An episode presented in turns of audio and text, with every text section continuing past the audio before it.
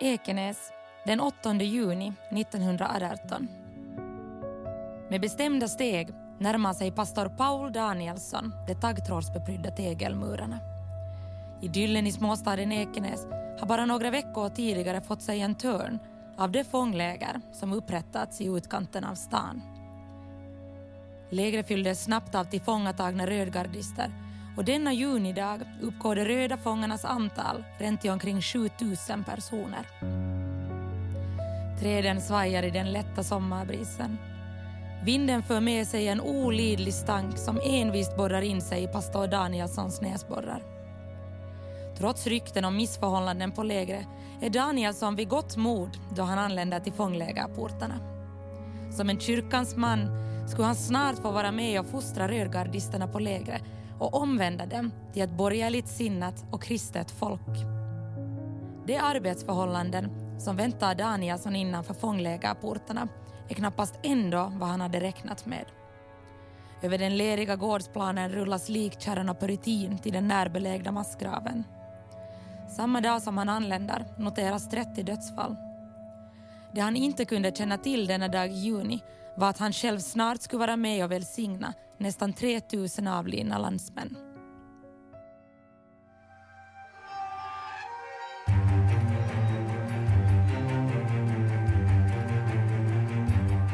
Du lyssnar på Hissapodden med Veronica Aspelin och Anna Öhman. Fostring i Dragsviks fångläger 1918.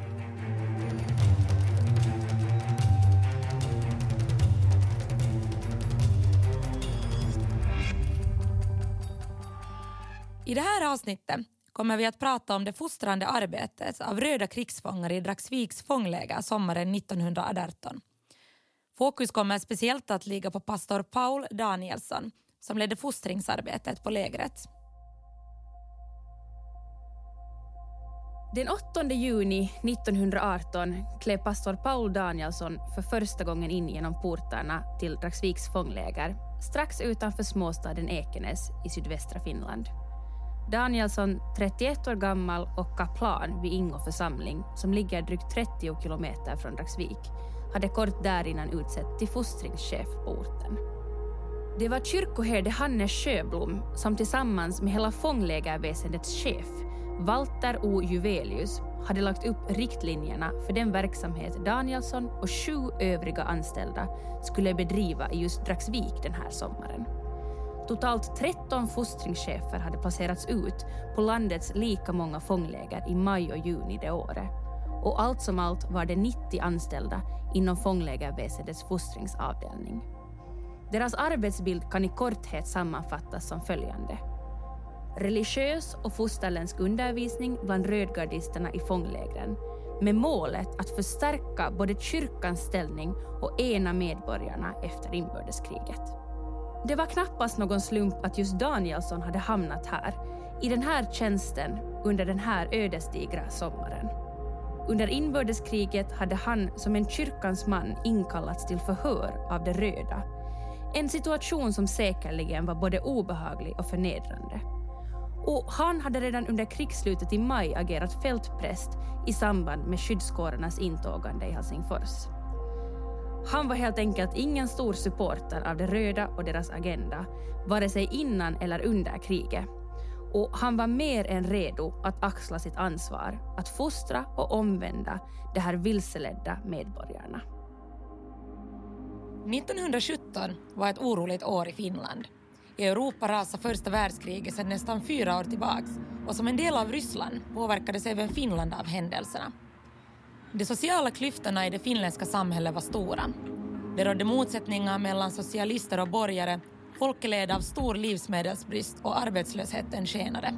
Revolutionerna i Ryssland ledde till politiska omvälvningar och en plötslig avsaknad av officiell poliskår i Finland.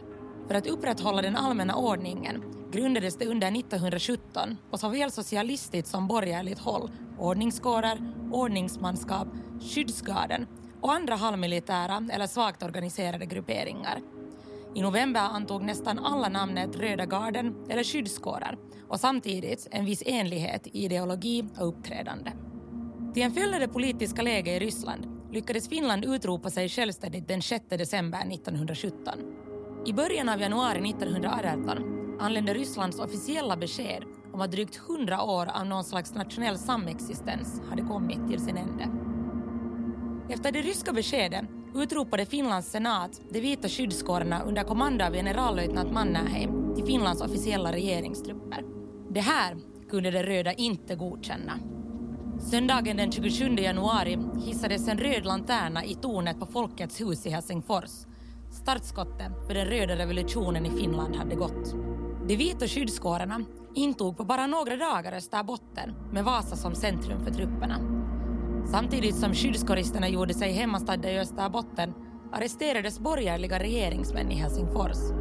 En ny röd regering, såväl socialistisk som revolutionär, under benämningen Finlands folkkommissariat tillsattes i den gamla senatens ställe. Därmed jämnades alltså maktbalansen ut i vårt avlånga land med ett gäng vita stridsmän i väst och de röda styrkorna huvudsakligen i södra Finland. Och nu ska jag inte gå desto närmare in på de här sammandrabbningarna som utspelar sig mellan finländarna under de kommande månaderna. Men eh, några centrala vändpunkter i inbördeskriget samt lite renodlad statistik kan jag förstås inte låta bli att nämna.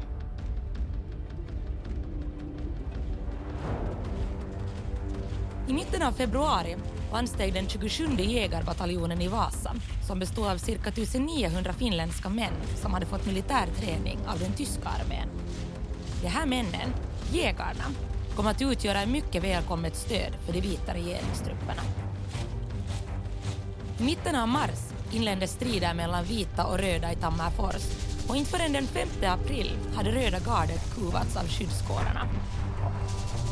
I april fick de vita understöd av den tyska Östersjödivisionen bestående av 12 000 tyska soldater, vilket mottogs med viss skepticism av särskilt överbefälhavare Mannerheim i och med tyskarnas motgångar i första världskriget. I början av april flydde den röda regeringen, det vill säga Finlands folkkommissariat, från Helsingfors till Viborg och kort därefter intog de från Tyskland sända trupperna huvudstaden. I slutet av april intog de vita även Viborg och en vecka senare kapitulerade de sista röda trupperna. Den 16 maj 1918 red den vita armén slutligen in som krigets segrare i Helsingfors. Och så statistiken. Under krigets alla skeden dog drygt 37 000 finländare av vilka kring 5 000 var vita och 27 000 röda. Den totala befolkningsmängden under tidpunkten var ungefär 3,1 miljoner finländare. Mer än 2 000 personer med andra nationella tillhörigheter miste livet under kriget. Ryssar, tyskar och skandinaver. Man räknar med att ungefär 12 500 av de stupade röda avled i fånglägren som upprättades för dem vid krigets slut. Röd och vit terror. Upp till 100 000 röda och kring 1700 vita miste livet till följd av avrättningar som utfördes utanför själva krigsoperationerna. Under 1900-talets första årtionden hade den finländska lutherska kyrkan både stort samhälleligt inflytande och ekonomisk makt. Och hela 98 procent av landets befolkning tillhörde en luthersk församling fram till 1923 då religionsfrihet officiellt infördes. Under tiden kring självständigheten förekom visst tvivel gentemot prästerskapets ställning både bland borgare och arbetsklass och kyrkan var utan tvekan en institution i förändring. Under inbördeskriget försökte man inom kyrkan hålla en så neutral ställning som möjligt i konflikterna.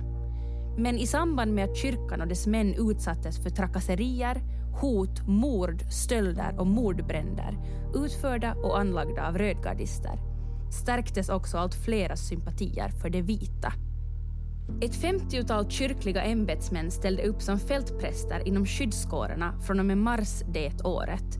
Och två av de här prästerna har vi ju redan i korthet stiftat bekantskap med. Fostringsavdelningens chef Hannes Sjöblom och Dragsviks fångläger pastor Paul Danielsson. Inom kyrkan var man generellt sett eniga om att de röda inte enbart hade brutit mot finsk lag i samband med sitt uppror, utan också mot flera av kristendomens heligaste värden. Och det här ville man givetvis råda bot på. Efter inbördeskriget planlade senatens krigsledning framtiden för landets rödgardister. Både röda och vita hade tillfångatagits av motståndarna sedan krigsutbrottet i januari men från och med maj grundades en ny statlig institution som organiserade fånglägerverksamhet. Närmare 80 000 rödgardister skulle ställas inför rätta och fånglägerväsendet ansvarade för deras inkvartering tills domarna hade fastslagits. Inledningsvis stationerades fångarna på 64 olika anstalter medan de senare koncentrerades till 13 större enheter, bland dem Dragsvik i Ekenäs. Skyddskårernas överbefälhavare Mannerheim uppfattade de rödas handlingar som revolutionära terrordåd och de vita ansåg att rödgardisterna hade handlat som vildar. De klandrades även för att ha plundrat de redan knapra livsmedelsförråden. Kort och gott, de ansåg att de 80 000 röda fångarna enbart hade sig själva att skylla för den ogynnsamma situation de befann sig i. Fostringsavdelningen var en av sex enheter inom det nationella fånglägerväsendet och från och med juni 1918 fanns det alltså utplacerat fostringsmän, ofta präster, men även lärare eller unga män som gjorde civiltjänst inom avdelningen, på alla 13 fångläger. Någon vecka efter sitt tillträde som fostringschef för Dragsviks fångläger reste Paul Danielsson till Åbo för att medverka i fostringsavdelningens första möte. Sommaren 1918 höll avdelningen totalt fyra liknande sammankomster under vilka de både planerade och utvecklade sin verksamhet. På plats var avdelningschefen Hannes Sjöblom samt samtliga 13 fostringschefer för de lika många fånglägren. Under det första mötet anmälde sig Danielsson frivillig att föra protokoll och han antecknade flitigt medan de sammankallade männen skisserade upp ett mer detaljerat program för sin verksamhet den sommaren. Själsligt stöd. Plitade Danielsson ner som första diskussionsämne på skrivmaskinen. Vi är alla eniga om att det är viktigt att fångarna upplever att de kan anförtro sig till fånglägrets fostrare. Vår roll är ju trots allt delvis att agera som en slags medlare mellan den röda och vita befolkningen. Gudstjänst, andakt och predikan är viktigt. Predikan ska vara kort och koncentrerad och där bör undvikas ämnen som kan irritera. Trots att fostringsmännen vid det här skedet endast hade vistats allt mellan några dagar till ett fåtal veckor i fånglägren var de redan plågsamt medvetna om fångarnas svaga tillstånd som förorsakade både koncentrationssvårigheter och humörsvängningar ibland dem. Samtal, bön och välsignelse är viktigt fostrande arbete. Vi kommer dagligen att besöka fångarna både på sjukhusen, i tukthusen och barackerna för friare samtal under mindre konstlade former. Vi ska också bedriva skriftskoleundervisning som en del av fostringen. De döende fångarna ska givetvis välsignas och vi är skyldiga till att följa dödsdömda personer till deras avrättning samt att be tillsammans med dem ifall de så önskar. Pastorn ska alltid förbereda de dödsdömda innan dödsdomen verkställs. Specifika gravgårdar ska upprättas för de avlidna fångarna. I Dragsvik betyder det här en sandgrop uppe på en närbelägen ås.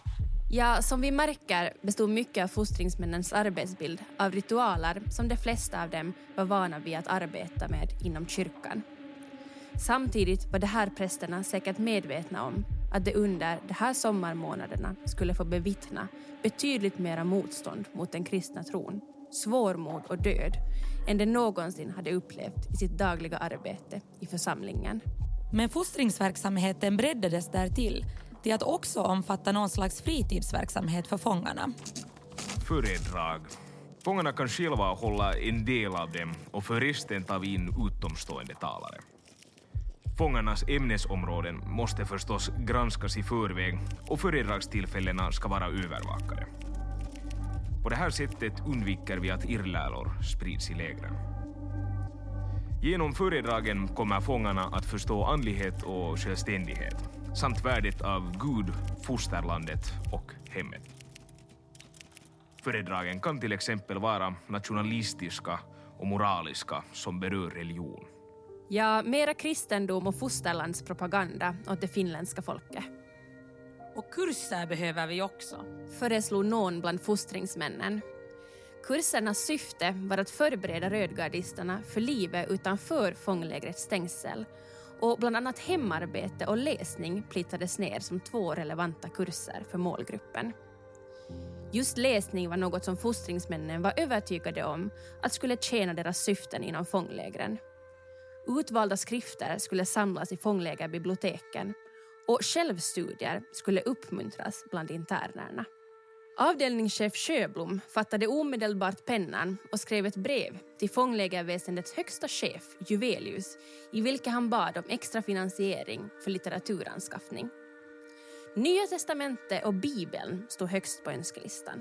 Det beslöts om att införa ett lästvång för de fångar som arbetade utanför anstalterna.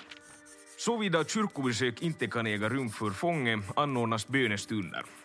Åt honom för vilotid anskaffas andlig eller annan lämplig läsning. Sånger och salmer behöver också utläras. Det borde konstrueras sångböcker för olika slags sångare. Fostringsmännen hoppades också nå ut till så många som möjligt bland de röda genom att distribuera sin egen tidning, Tosi Työhön, bland både fångar och fria medborgare. Tosi Työhön skulle utkomma i 13 nummer den sommaren och precis som i resten av fostringsprogrammet var tematiken solklar. Kristen tro, fosterlandet och hemmet. Tidningen vill med Guds hjälp erbjuda en hjälpande hand till dem som nu inser att de under medborgarkriget stridit på fel sida. Mera otippat, men givetvis välmotiverat, var viljan att också arrangera gymnastikundervisning och idrott inom fånglägren. Genom att ordna idrottsverksamhet i lägren önskar man sig utveckla en ny, stark finsk ras, vilket förstås i slutändan skulle gynna hela nationen. Lauri Pihkala utsågs till främsta idrottslärare inom fånglägerväsendet och han undervisade en eller flera fostringsmän från varje fångläger i idrottskunskap och olika sportgrenar som i sin tur skulle lära ut övningarna bland fångarna.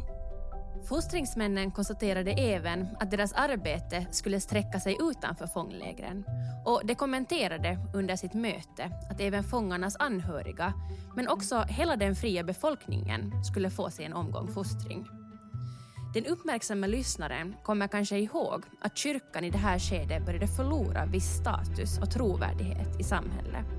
Och genom att rikta sitt program till hela befolkningen hoppades man också kunna omvända en hel nation. Fostringsmännen hade också redan i det här skedet hunnit fästa uppmärksamhet vid en hel del bångstyriga vakter på fånglägren och under mötet konstaterades det ytterst viktigt att även de fostrades till kristna, laglydiga medborgare. Röd eller vit, ingen får bete sig som en skit. Genom de gigantiska fånglägerenheterna medföljde även en hel del administrativt arbete och fostringsavdelningens anställda fick även i uppdrag att gå igenom och vid behov censurera all den post som kom in och skickades ut ur fånglägren. Veronica, du har ju både forskat och föreläst i det här ämnet. Vad skulle du säga att var syftet bakom det här religiösa fostringsprogrammet? Först och främst måste jag nämna att en viktig del av min gradu var att överhuvudtaget sammanställa det här eh, programmet svart på vitt. Så det jag har gjort är att jag utgående från då mötesprotokoll, mm, olika brev och också då pastor Danielssons dagbok har kunnat hitta de här olika fostringsmetoderna och sen då gjort en, en lista på dem. Och sammanlagt så var det då tolv olika saker man, man det här sysslar med. Uh, det fanns ändå en jätte, jätteklar och tydlig agenda. Dels var det senaten, alltså den finska statens agenda. Och det var förstås att um, få ett helt enat folk efter den här, um, den här inbördeskriget, den här konflikten. Och det andra syftet var kyrkans, alltså den lutherska, den finska lutherska kyrkans syften. Och det var att stärka sin ställning igen efter då en, en längre period av, av ett ja, mindre aktivt deltagande helt enkelt bland folket. Så för staten så var det alltså ett enat folk och det här enade, enade folket skulle också vara utbildat och eh, fysiskt starkt. Och utbildningen så, så fick de här fångarna eh, genom då olika kurser, genom läsning och också sånt som handarbete och körsång, vilket förstås var enande eh, fritidssysselsättning Eh, också förstås väldigt eh, viktig kunskap att ha i samhället. Eh, och för kyrkans del så handlade det förstås om att lära ut den här kristna tron och kristna seder och bruk. Precis, och det fanns ändå vissa tankar om varför man valde just de här fostringsmetoderna som har kommit upp. Det fanns det definitivt. Och även om det inte fanns då ett regelrätt fostringsprogram så, så fanns den här tanken med vad man ville eh, väldigt tidigt. Och det här var ju också ett ypperligt tillfälle för både staten och, och kyrkan att, eh, att föra den här, det man kanske kan kalla för propaganda eller eh, helt enkelt agenda. Eh, man hade koncentrerat 80 000 finländare eh, på 13 olika håll i landet och de hade inte så mycket andra val än att, att kanske inte ta till sig det här men åtminstone lyssna på det fostringsmännen hade att säga. Citerat ur Tosi Työhön, sommaren 1918. Finlands sönderrivna folk, vilket du tillhör, det måste åter bli helt, enhälligt, fullständigt. Med det digra fostringsprogrammet i handen kunde pastor Danielsson och övriga fostringsmän i Dragsvik äntligen skrida till verket på allvar. Men det tog inte länge innan fånglägrets övriga omständigheter fick tydliga konsekvenser på arbetet. Danielsson fattade pennan och skrev ett klagobrev till fånglägerväsendets högsta chef, Juvelius. Fostringen försvåras på grund av bristfälliga utrymmen för verksamheten. Fånglägrets kyrka används för helt andra syften. Stämningen är nervös bland fångarna. De behöver större matportioner och måste behandlas humanare. Den fientlighet Danielsson kände mot rödgardisterna och deras ideologi kanske ändå kom att åtminstone delvis rubbas i de omständigheter han plötsligt befann sig mitt i. Dragsviks fångläger har i huvudsak kännetecknats av lägrets ostrukturerade organisation och de tusentals sjukdoms och dödsfall som härjade på orten. Fånglägret leddes av agronom Carlo Leisten och inledningsvis stationerades lokala svenskspråkiga rödgardister på anstalten. Senare anlände i huvudsak fångar från Österbotten. Majoriteten av kvinnorna och barnen sändes vidare till Sandhamn. En stor andel av fångarna som anlände till Dragsvik var sedan tidigare väldigt sjuka och genom att friska och sjuka fångar trängdes ihop i samma godsvagnar och baracker så spred sig också smittorna som en löpeld bland internerna. Också fånglägerpersonalen drabbades av epidemierna i hög grad. Dragsviks fångläger bestod av ett område uppmätt till cirka 200 gånger 500 meter och var anpassat för omkring 1000 personer. I verkligheten inkvarterades det mångdubbla antalet fångar och som mest fanns 8587 rödgardister på anstalten. Mätt i antalet fångar var det det femte största lägret i landet. Uppskattningsvis 9313 män och 658 kvinnor fördes in genom portarna till Dragsvik sommaren 1918. Det finns 6 367 dokumenterade domstolsfall från anstalten, av vilka 64 var dödsdomar. Omkring 3 000 personer miste livet förorsakat av mat och vätskebrist samt sjukdomar.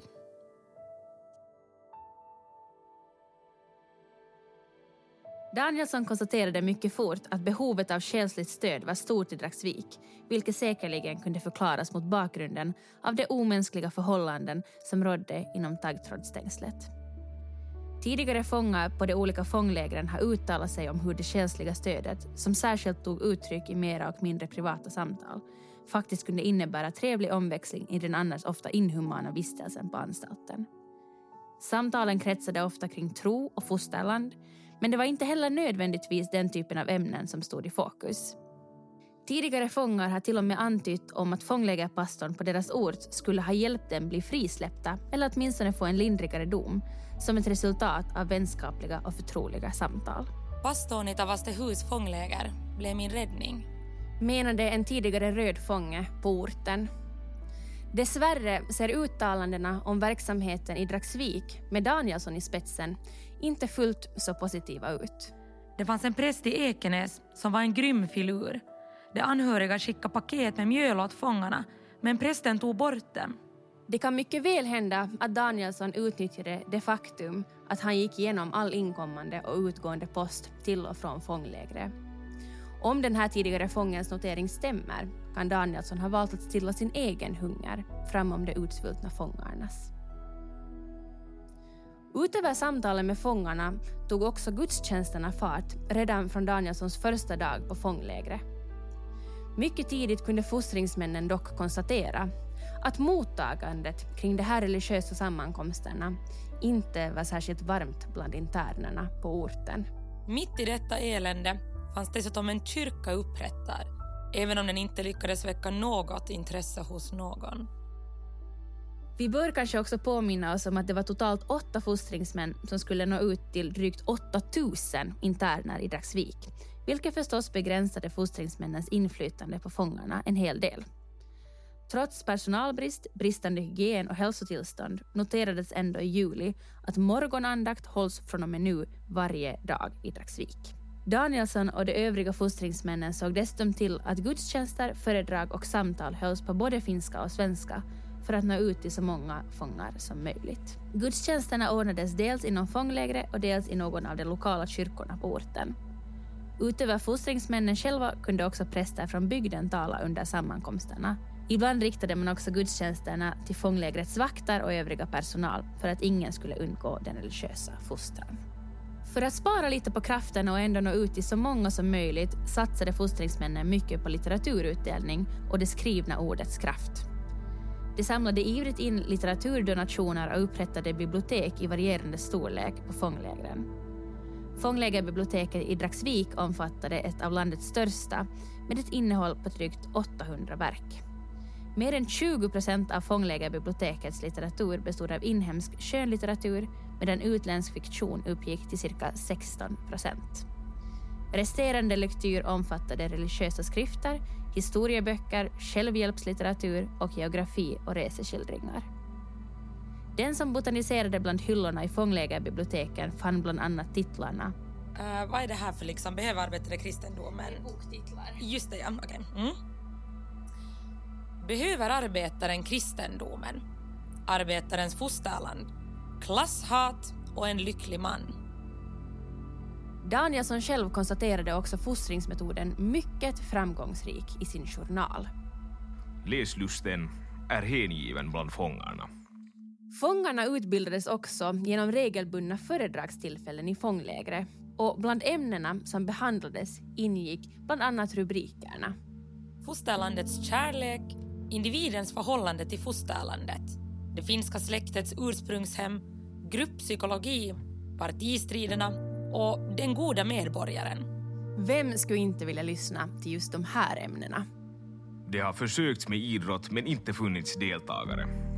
Detta beror både på likgiltighet och lättja mm, samt svaghet. Dödlighetsprocenten hög. kommenterade Danielsson i sin journal i juli. Körsång var däremot riktigt populärt bland fångarna och fostringsavdelningen sammanställde till och med en egen sångbok specifikt för ändamålet bestående av psalmer och andra sångtexter med religiöst eller fosterländskt innehåll. Så när vi nu har sett närmare på hur de olika typerna av fostring gestaltade sig i praktiken i Dragsvik ska vi ännu summera hur en helt vanlig sommarsöndag kunde se ut på fånglägret i fostringens tecken. Danielsson antecknade den 8 augusti 1918. Söndag klockan nio på morgonen.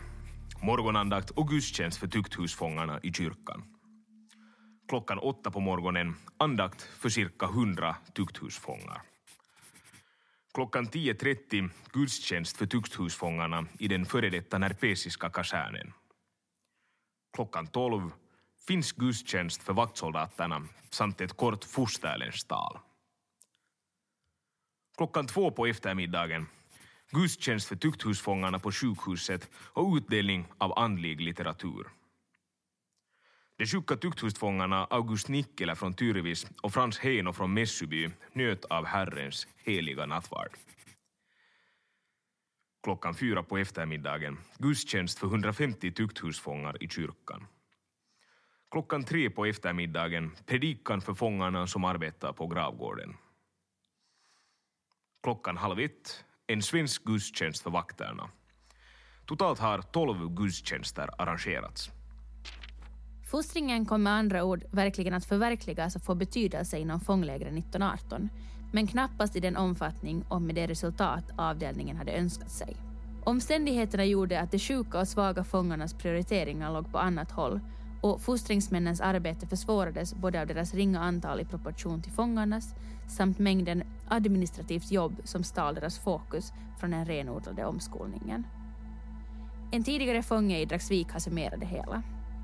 Fostringschefen i Ekenäs hade inlett sitt arbete en eller ett par dagar innan jag anlände till fånglägret. Vid tidpunkten bestod hans huvuduppdrag av att kontrollera fångarnas korrespondens. Senare hade han så småningom fått flera medhjälpare av vilka jag inte har några som helst minnesbilder.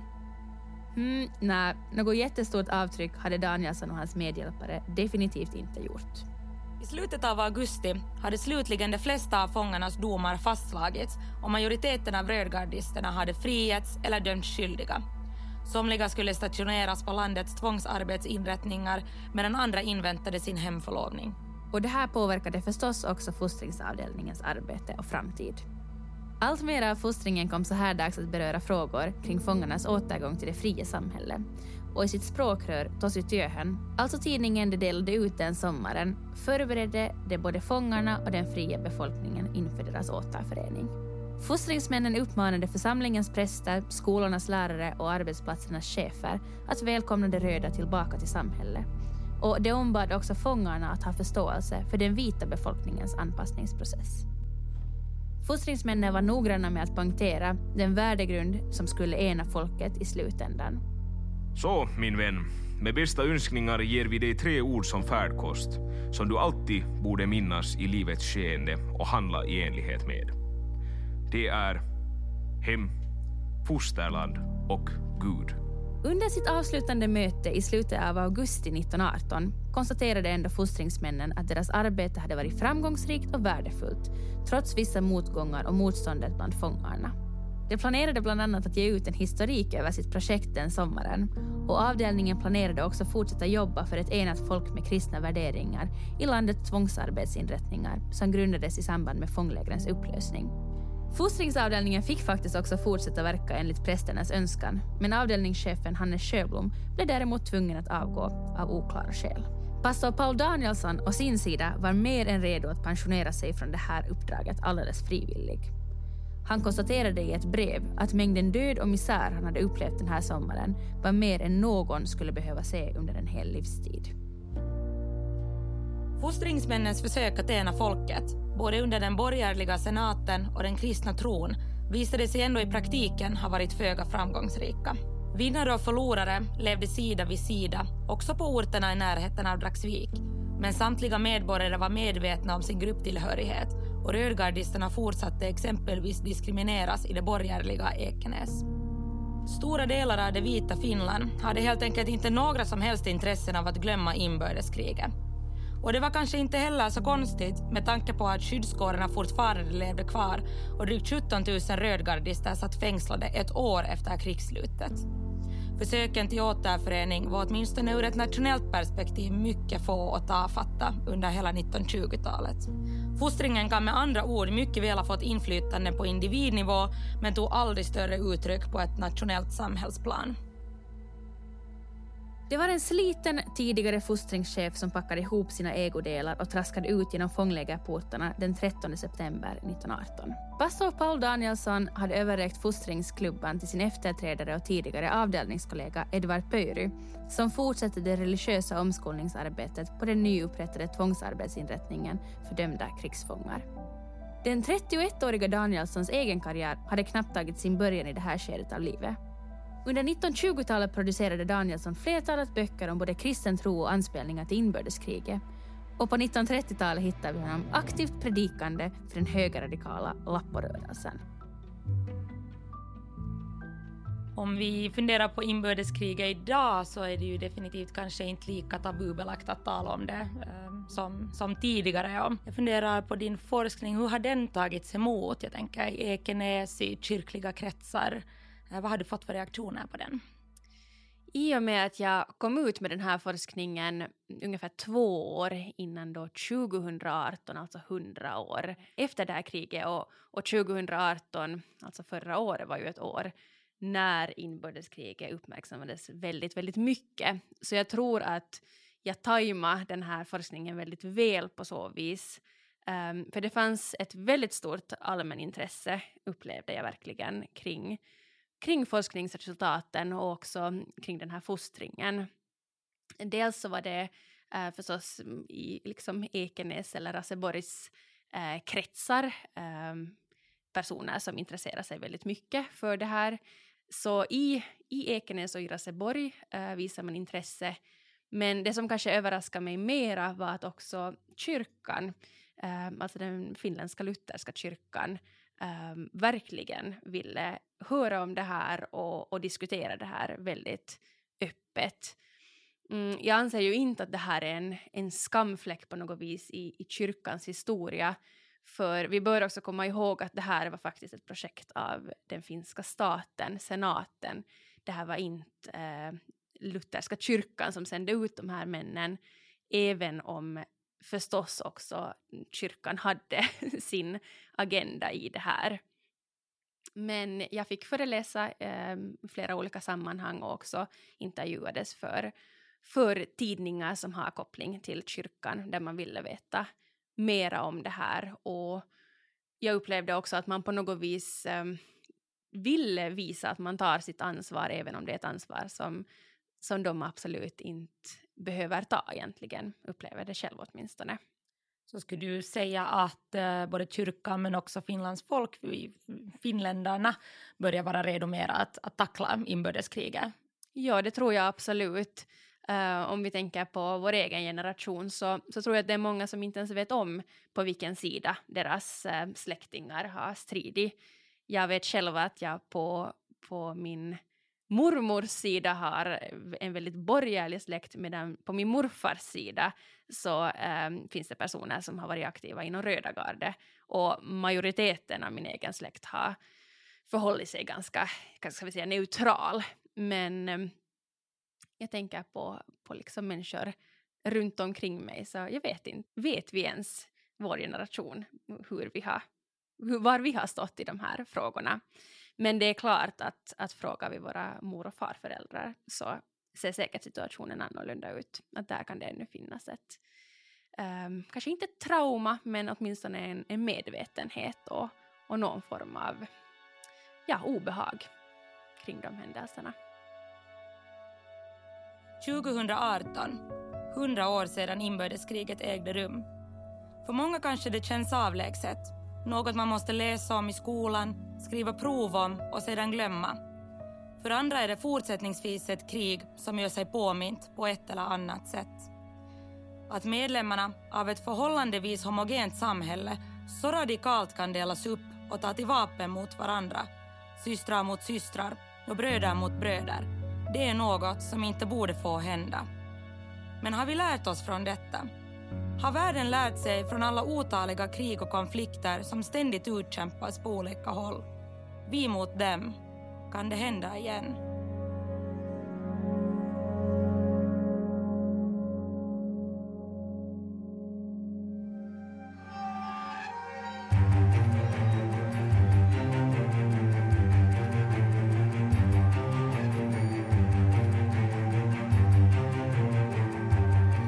Lyssnar på Hissapodden med Veronica Aspelin och Anna Öhman. Inspelad av Tobias Jansson och producerad av Freja Lindeman.